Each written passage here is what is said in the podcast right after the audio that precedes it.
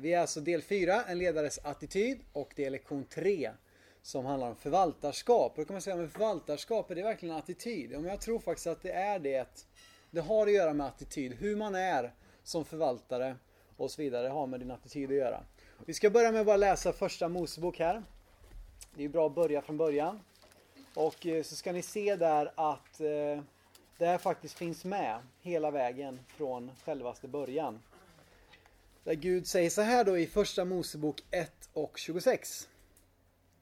Gud sa, låt oss göra människor till vår avbild till att vara lika oss. De ska råda över fiskarna i havet och över fåglarna under himlen, över boskapsdjuren och över hela jorden och över alla kräldjur som rör sig på jorden. Hoppa fram till kapitel 2, vers 15. Där står det så här. Herren Gud tog mannen och satte honom i Edens lustgård för att han skulle odla och bevara den. Så att redan i Guds grundtanke är att vi blir förvaltare utav hans rike. Vi blir förvaltare av hans skapelse. Han har gett dig och mig det ansvaret. Alltså, som eh, Sven pratade om här på förmiddagen då, om tjänande. Att vi är Kristi tjänare. Eh, men att vara Kristi tjänare, det är också att vi har fått ett mått av förvaltande. Att ta ansvar för. Och hur vi gör det har mycket att göra med hur vår attityd är till det som vi har fått. De gåvor vi har fått, de uppgifter vi har fått, de relationer vi har fått och så vidare. Så vi ska bara börja kika på vad en förvaltare är för någonting. Och det är ju lite populärt det här med att hitta grekiska orden och det grekiska ordet för förvaltare som används på de allra flesta ställena i Bibeln är då oikonomos som betyder hushållare eller förvaltare. Och oikonomos, det ser ni ganska likt ekonomi. Alltså eh, att man, man, man tar hand om någonting, man för, hushåller med någonting som man har fått och man tar hand om det på allra bästa sätt. Och den här förvaltaren då som Bibeln talar om, i, i, på Jesu tid så var en förvaltare en person som hade skötseln av hans mästares ägodelar. Att han har fått det ansvaret att till och med sköta om detta, det kan vi se två stycken längre eh, bibelliknelser som Jesus ger om de goda förvaltarna och de som var lite mindre goda. Att vi har alltså fått, alla har blivit tilldelade någonting utav eh, Jesus själv. Och du kan gärna läsa om vi ska komma tillbaka till ett av de bibelställena senare. Men du kan skriva upp det där för att se eh, hur Bibeln beskriver då en förvaltare. Vi har fått del utav det som är Guds att ta hand om. Och det kan innebära också fördelande av arbetsuppgifter. Eh, och det är ju särskilt då de som är ledare kan också få ett, ett förtroende från Gud att också vara med och fördela arbetsuppgifter vidare till människor då som man har under sig eller jämte sig som man tjänar tillsammans med. En förvaltare kan också få sköta om utdelningen utav mat och utdelning utav lön. Och du kan se det, skriva upp de här två bibelorna, Matteus 20, vers 8 och även eh, eh kapitel 24 och vers 45. Och eh, du kan skriva, hinner du slå upp det så kan du göra det också. Matteus 20 och vers 8 då. Och här står det då att på kvällen sa vingårdens herre till sin förvaltare Kalla på arbetarna och ge dem deras lön, men börja med de sista och sluta med de första. Ehm, så att här ser vi att vingårdens herre, det är Gud själv. Men du och jag får alla vara med och få ett visst mått av förvaltarskap. Som kan innebära också att vi ska dela ut mat och lön då till de som finns. Förvaltaren kunde också i, i den här eh, judiska kontexten ha eh, också ansvar faktiskt för att uppfostra hushållets barn. Och det är en ganska stor uppgift. Alltså förvaltaren, eller tjänare då som vi också fick lära tidigare att det handlar om slav. Eh, det, det var liksom ingen som, som bara hunsades med. Utan kunde till och med få sån stort förtroende att han fick uppfostra barnen i familjen. Um, och det kan man ju också koppla då till att, att vi får förtroendet att träna nya lärjungar. Att, att de människor som blir frälsta ger Gud till oss att ta hand om och få uppfostra in i Guds rike. De hade också husfaderns förtroende eller auktoritet. Så att när förvaltare ser det inte dåligt där men det står förtroende och auktoritet. Och alltså när då förvaltaren talar då har det samma tyngd, samma eh, förtroende, samma auktoritet som om Gud, eh, alltså som om Herren själv i hushållet skulle tala. Eh, och det är ju det, alltså våran position i Kristus. Att när vi talar, till exempel be för en sjuk eller när vi ehm, um, ber för olika saker eller talar enligt med Guds ord så har vi samma auktoritet som våran Herre, nämligen Jesus själv. Och det kan man ju koppla också till soldater, även om du är menig, den längst nere på, på liksom eh, chain of command inom armén. Så är det ju så att om en menig soldat kommer och säger att, att ja, vi ska göra så här, jag har order. Eh, och då kommer de att fråga, men vems order har du? Det är generalens order eller det är kaptenens order. Och den då som är menig och själv inte har någon vidare position har det därför att den står under en, en eh, general eller överste eller kapten eller vad det är för någonting. Och så är det också för dig och mig då att vi som Guds förvaltare har då det förtroendet som, som Jesus hade och vi kan tala med hans auktoritet. Och som sagt, de här förvaltare tillhörde slavklassen och där får ni det här igen. Det syns ännu sämre det där. Men det står i alla fall det som Sven var inne på då att, att tjänare i Bibeln betyder alltså, eh, kan lika gärna eller mer korrekt kanske till och med översättas med slav. Och trots då att vi har alla dessa olika förtroenden, vi får fördela arbetsuppgifter, vi får eh, ha hand om maten, ekonomin, eh, vi får uppfostra hushållets barn, vi har samma auktoritet, så har vi ändå en relation av en tjänare eller av en slav till och med. Att vi är ingenting utan liksom våran mästare. Och det är också viktigt att komma ihåg det, för det är lätt att se det när vi får mer och mer att förvalta, när Gud ger ett större eh, ansvar, ett större eh, förtroende. Så är det väldigt lätt att börja ta äran till sig själv och börja liksom upphöja sig själv. Men då måste vi påminna oss om att mitt förhållande till det jag har fått förvalta är att jag är en slav till Gud. Och det här är ingenting utan Mästaren själv.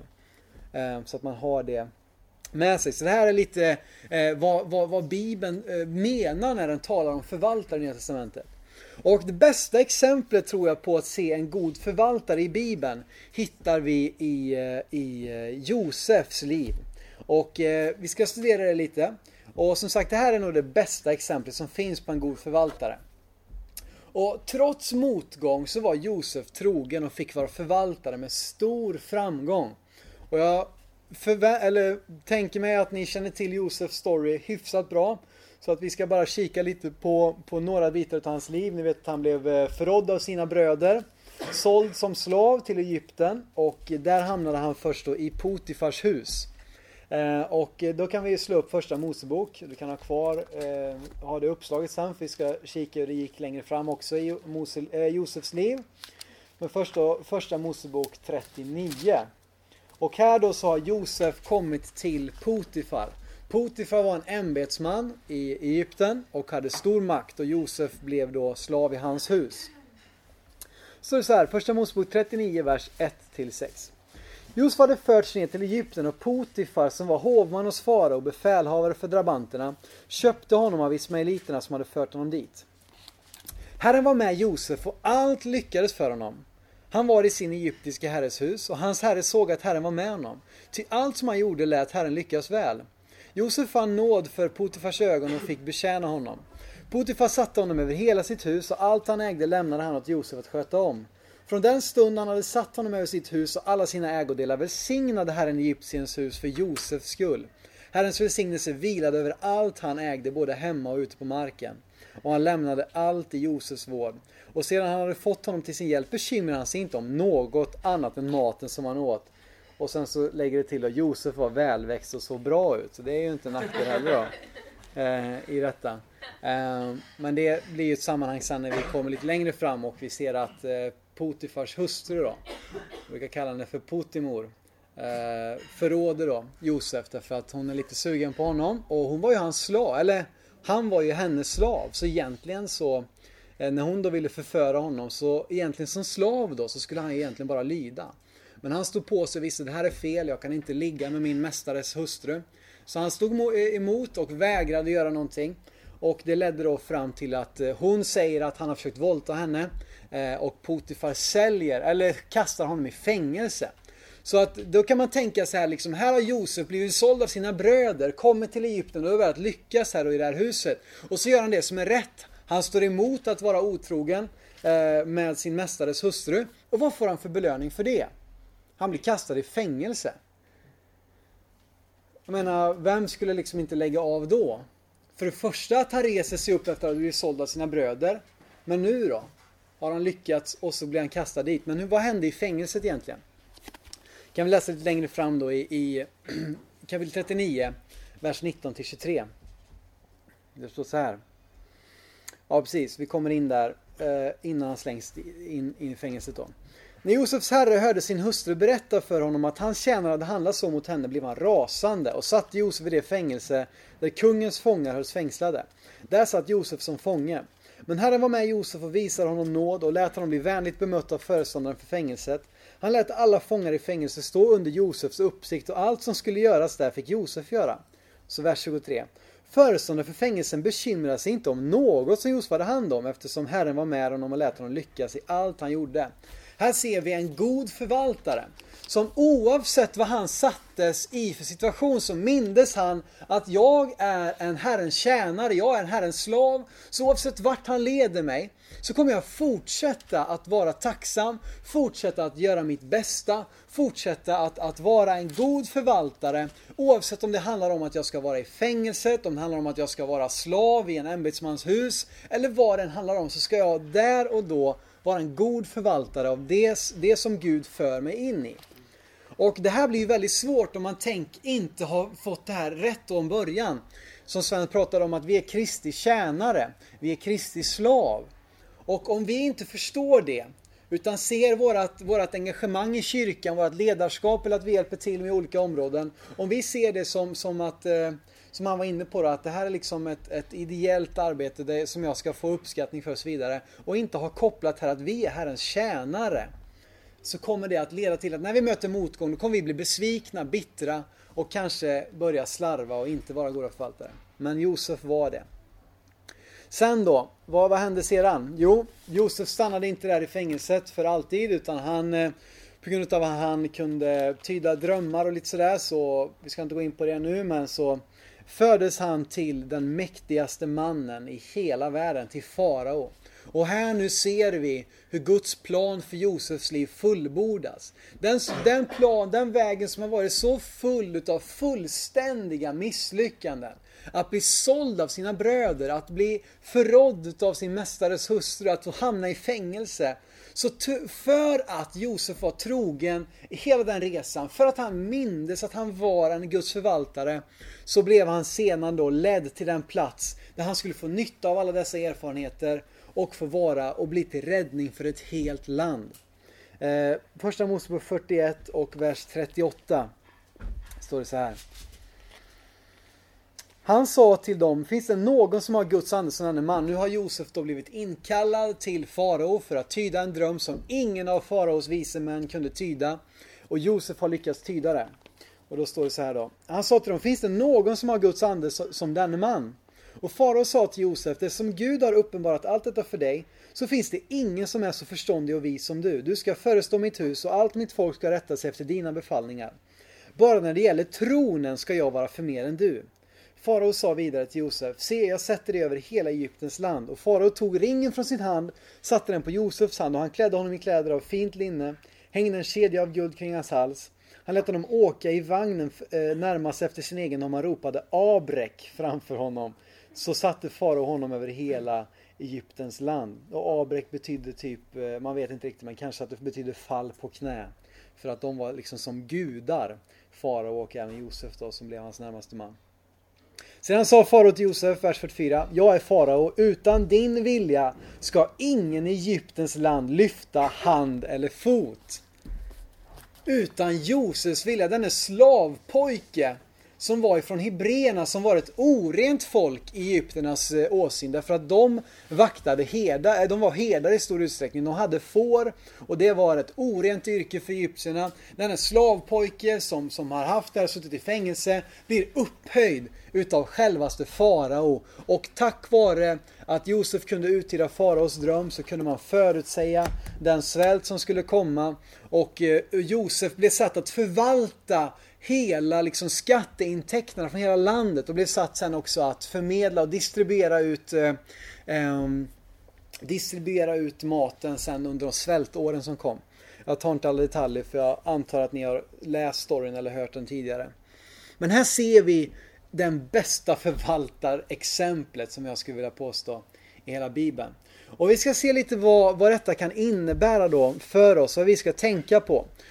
Och det handlar om att förvalta dina talenter. Och vi ska nu läsa igen då det här som vi pratade om lite tidigare, Matteus 25. Där det då står om dessa förvaltare. Och vi ska läsa ett längre stycke där. Hänger ni med så här långt? Ja. Bra, bra. Matteus 25, vers eh, 14. Jesus ger här en liknelse då. Det kommer att bli som när en man skulle resa utomlands. Han kallade till sina tjänare och lämnade sin förmögenhet åt dem. En gav han fem talenter, en annan två och en tredje en talent. Var och en efter hans förmåga. Sedan gav han sig iväg. Den som hade fått fem talenter gick genast och satte dem i omlopp och tjänade fem talenter till. Vers 17. Den som hade fått två talenter tjänade på samma sätt två till, men den som hade fått en talent gick och grävde ner den i marken och gömde sin herres pengar. En lång tid därefter kom tjänarens herre och krävde redovisning av dem. Den som hade fått fem talenter kom då och lämnade fram fem talenter till och sade Herre, fem talenter överlämnade åt mig, nu har jag tjänat fem till. Hans herre sa till honom, bra du gode och trogne tjänare. Du har varit trogen i det lilla, jag ska sätta dig över mycket, gå in i din herres glädje. Så kom den som hade fått två talenter fram, sa bla bla bla, det är samma grej. Och sen så kom vers 24. Och så den som hade fått en talent kom fram, han sa Herre, jag vet att du är en hård man som skördar det du inte har sått och samlar in det du inte har strött ut. Av fruktan för dig gick jag och gömde din talent i jorden. Här har du vad som är ditt. Hans herre sa till, svarade honom, du onde och late tjänare, du visste att jag skördar det jag inte har sått och samlar in det jag inte har strött ut. Då borde du ha satt in mina pengar i en bank så att jag hade fått igen det som är mitt med räntan när jag kom. Ta därför ifrån honom talenten och ge den åt honom som har tio talenter. Till var och en som har ska få det överflöd, men den som inget har, från honom ska tas också det han har. Eh, ganska hårt ord och det står till och med i vers 30. Kasta ut den oduglige tjänaren i mörkret här utanför, där ska man gråta och skära tänder. Eh, en allvarlig text som lär oss någonting om hur vi ska agera när vi förvaltar våra talenter och det som vi har fått. Och jag menar, läser man detta på engelska så blir det ju ganska tydligt att eh, Eh, alltså ta hand om your talents, alltså det, dina talang, talanger. Man kan se det som det, de här talenterna, en talent, eh, nu kommer jag inte ihåg exakta värdet, men jag tror att en talent var 10 000 dagslöner. Om jag inte har helt fel.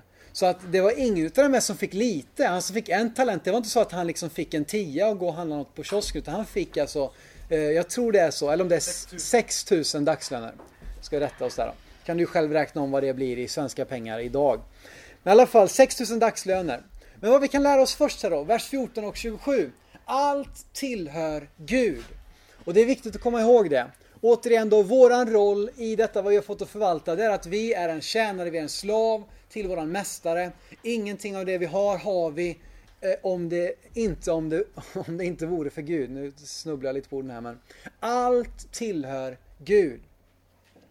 Och du kan också slå upp här i Kolosserbrevet 1, 16-20. Det står att allt är till i honom och så vidare.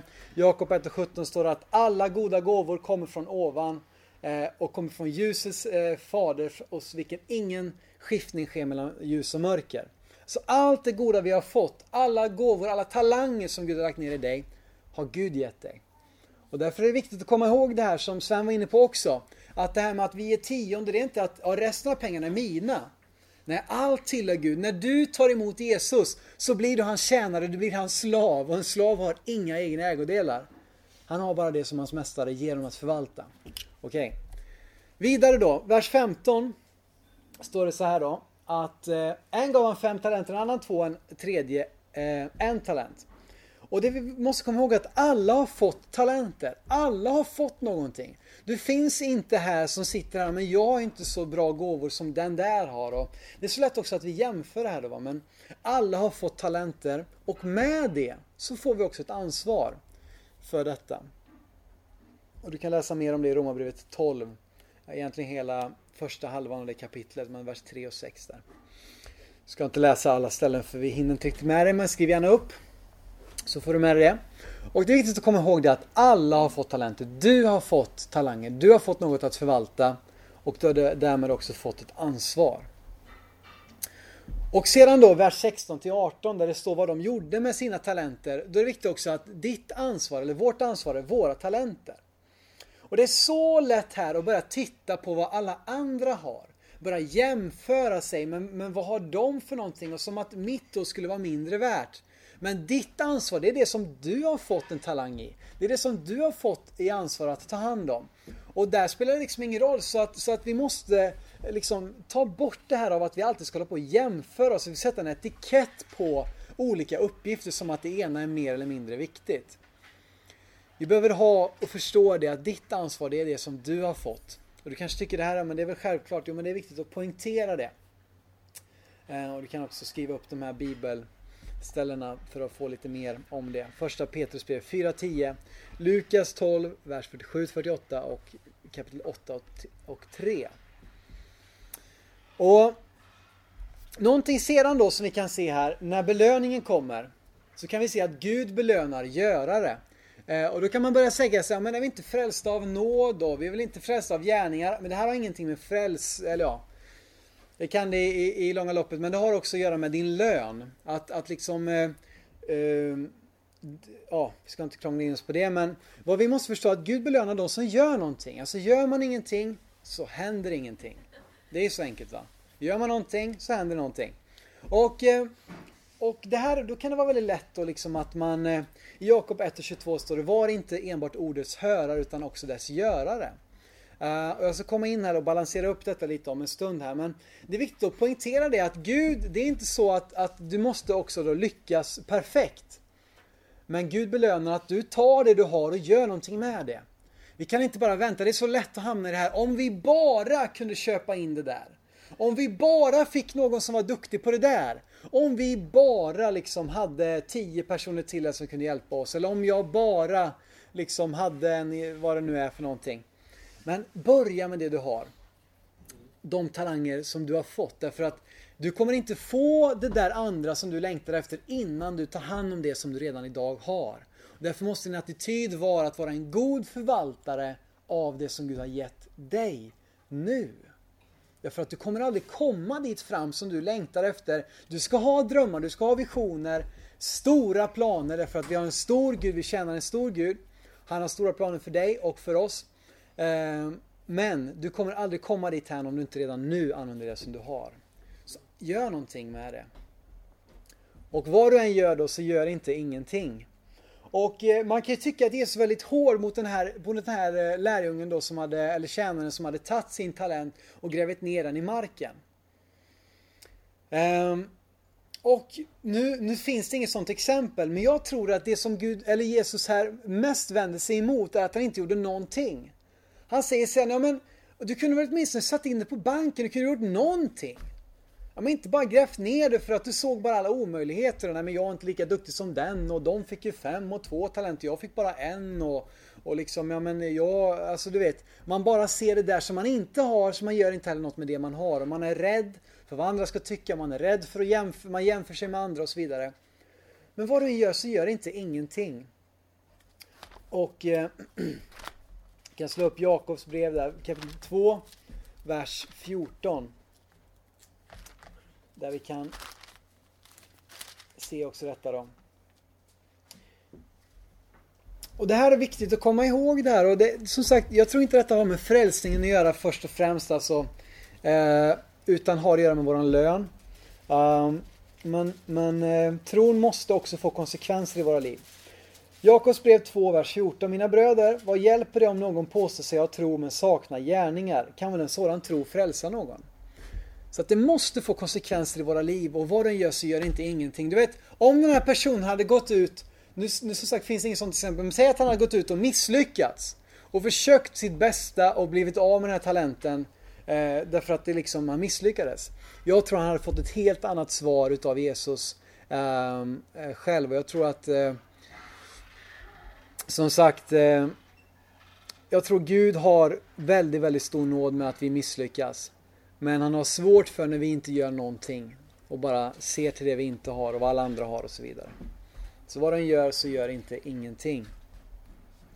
Skulle vilja säga bara några grejer om förvaltarskap då. Eh, som du kan ta med dig. Eh, och saker som jag tror är viktigt att komma ihåg. Det första är att man blir belönad efter trofasthet, inte efter resultat. Och det var det lite jag ville komma in på här. Och det är viktigt att poängtera detta. Därför att det är så lätt att bara se på de stora resultaten eller se och jämföra och så vidare. Men jag tror att det vi blir belönade utav det är att vi är trofasta med det vi har.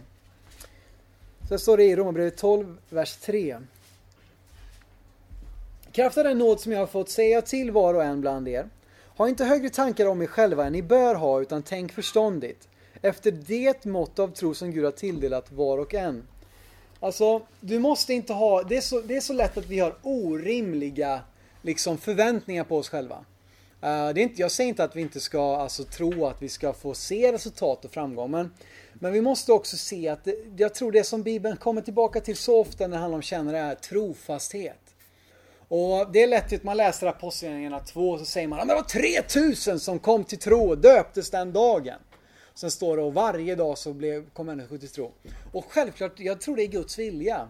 Men det är så lätt att vi ser det, men inte, om vi inte ser det, då har vi misslyckats. Och då, liksom, då trycker vi ner oss själva. Men vet du, jag tror att vi måste mer och mer trycka på trofasthet. Jag pratade med Johan om det här precis eh, utifrån eh, Reclaim då som vi hade igår här, som vi har byggt de här nu under flera års tid. Eh, och där vi hela tiden vi konstaterar det att vi liksom, men nu har vi lyft, nu har vi lyckats lyfta så vi håller en ganska jämn nivå alla områden. Till att börja med så var det vissa områden som satsade järnet och andra områden som nästan liksom var lite så här smått kaos. Men då pratar vi just om det också att ja men det här är för att vi har byggt någonting på lång sikt. Vi har varit trofasta och lyft liksom saker. Vi har inte deppat ihop därför att allt är inte perfekt just nu. Utan då har vi sett att då behöver vi bygga långsiktigt. Då behöver vi lyfta en sak varje stund. Och vi behöver vara trofasta. Och det är så viktigt när det kommer till förvaltarskap. Också excellens. Det tror jag också är någonting som vi faktiskt behöver ta med oss. Och det här då, det här kan ju bli fel liksom. Man tror att excellens handlar inte om dyra grejer. Eller att det liksom ska vara det dyraste, det lyxigaste och så vidare. Det är inte det excellens handlar om. Jag ska förklara för det här, men vi ska läsa Matteus 5 och vers 39 och några verser framåt där. Och där är Jesus då som undervisar och säger så här. Jag säger er, stå inte emot den som är ond utan, ut, utan om någon slår dig på den högra kinden så vänd också den andra åt honom. Om någon vill ställa dig inför rätta och ta din livklädnad så låt honom få ta din mantel också. Om någon tvingar dig att gå med en mil, gå två mil med honom. Ge åt den som ber dig och vänd dig inte bort från den som vill låna av dig. Ni har hört att det är sagt, du ska älska din nästa och hata din ovän. Jag säger er, älska er ovänner och be för dem som följer er. Alltså det här är excellens för mig.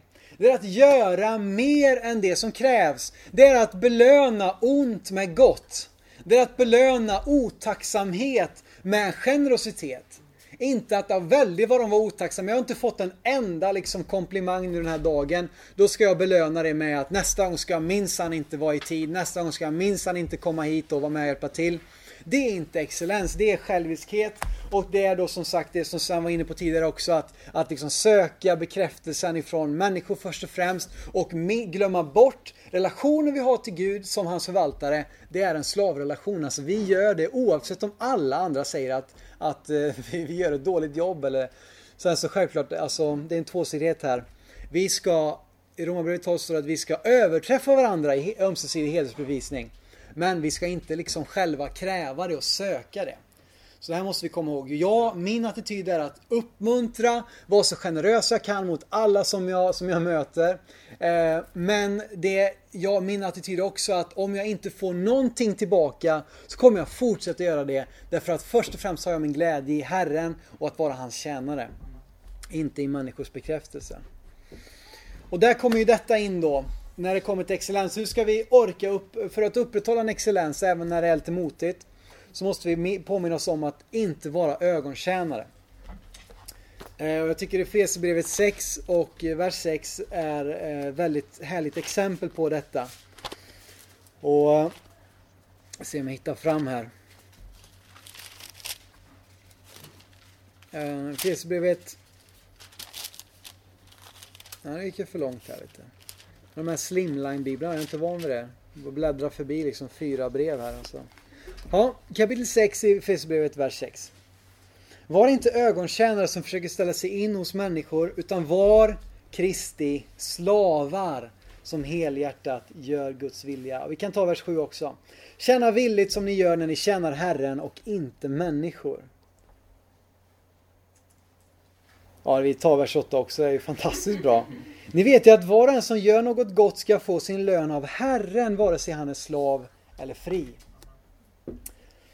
Och här då, var inte ögontjänare. Och vad är en ögontjänare? Jo, men det är den som gör allting bra när de vet att det är någon, någon som tittar på dem. Eller som vet att men idag kommer det en stor talare liksom till våran kyrka. Nu ska vi minsann liksom vara var på, på tå här liksom.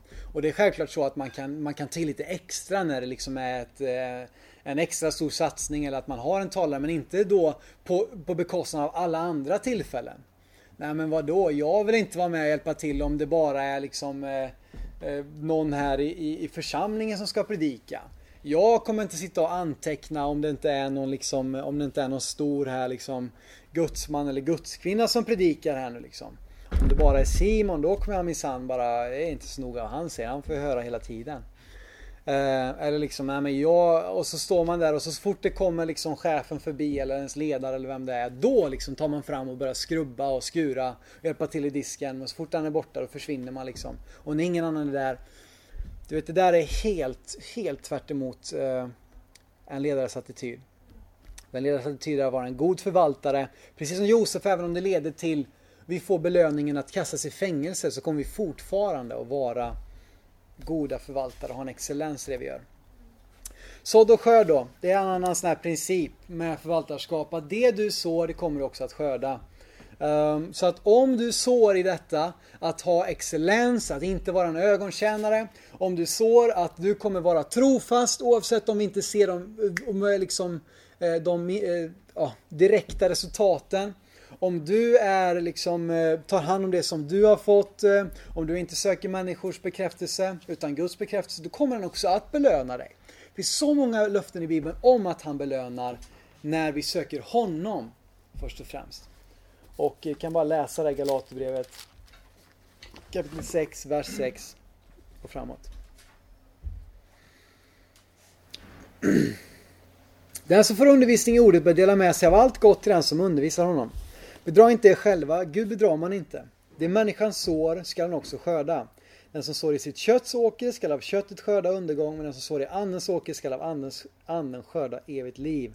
Låt oss inte tröttna på att göra gott, till när tiden är inne får vi skörda om vi inte ger upp. Låt oss därför göra gott mot alla människor medan vi har tillfälle och framförallt mot de som delar vår tro. Här finns då detta att, att så i andens åker, alltså så i att du först och främst söker hans bekräftelse, så i trofasthet, så i excellens, så i att vara en god förvaltare av det du har fått. En annan sak då, det kan ju vara så här, nu känns det nästan som att nu ska vi bara liksom tjäna tills vi stupar här liksom. Och man har kanske bild av en slav som någon som jobbar tills den dör och så sätter man in någon annan. Och det där kan ju också bli tendenser till det i kyrkan. Att ser man då någon som har de här Eh, de här egenskaperna, då liksom, ja men underbart, då kan du ta allt ansvar här så kan vi gå hem och ta fika liksom. Du kan köra varje söndag här, du kan tjäna nu hela tiden. Och så bara kör man slut på folk. Men du måste lära dig också att vara en god förvaltare är också att säga nej till fel saker. Att kunna säga nej till det som står i vägen för att göra det som du är kallad att göra. Det som du har blivit satt att förvalta. Minns liknelsen om talenterna. Ditt ansvar är dina talenter. Ditt ansvar är inte liksom att ta upp allting som faller mellan varenda stol som ingen annan liksom tar hand om. Där måste vi liksom vara trog, trofasta mot oss själva, ärliga mot oss själva, ärliga mot Guds kallelse till oss. Och det finns ett uttryck som säger Good is the biggest enemy of great. Så alltså, det är inte så att vi bara säger nej till det som är liksom, ja ah, vill du ställa upp här nu liksom och, och jobba i, i uh, jag kommer inte på något bra exempel. vill du liksom bli här nu hedersmedlem i Hells Angels liksom? Nej, jag säger nej till det. Det är inte så svårt va, men, men det, de grejerna som är de farligaste grejerna, de som lättast tar vårt fokus, det är ju det som är näst bäst. För att det är så svårt att säga nej till det. Och det där är vi så, det sitter vi ganska mycket i den här församlingen. Att vi har en väldigt stor kostym, en stor verksamhet. För att vi kan, vågar inte säga nej till, till saker ibland. För att men det är ju så bra. Ja, visst, jag kan säga det, allt vi gör i vår kyrka är bra. Men är det det bästa? Och så länge vi inte vågar säga nej till det som är bra för att göra det som är bäst så kommer vi inte att kunna komma vidare tror jag. Och det där gäller ju såväl i hela församlingen som för dig individuellt i ditt liksom personliga liv. Eh, med Jesus precis som ditt, din uppgift som ledare. Säg nej till fel saker. Och här behöver vi vara generösa mot varandra. Vi, vi kan liksom inte komma med den här skammen. Jaha, säger du nej? Det kan man minsann inte lita på liksom. För jag tror inte att det är någon här som är en sån person som, som eh, det vi kan behöva undervisa dem som alltid säger nej. Och säga till dem, nu måste du lära dig att säga ja och ställa upp här.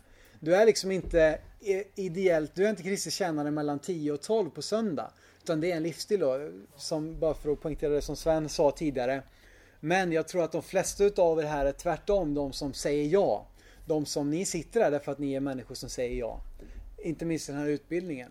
Och då behöver vi vara generösa mot varandra. Att nej men du, jag vet att du skulle kunna ta detta. Men du har så mycket annat så liksom fokusera på det istället så löser vi detta på ett annat sätt. Och inte minst du som ledare och de du har under dig. Yes, det var lite grejer som jag bara ville dela med mig om eh, när jag tänker på det här med förvaltarskap.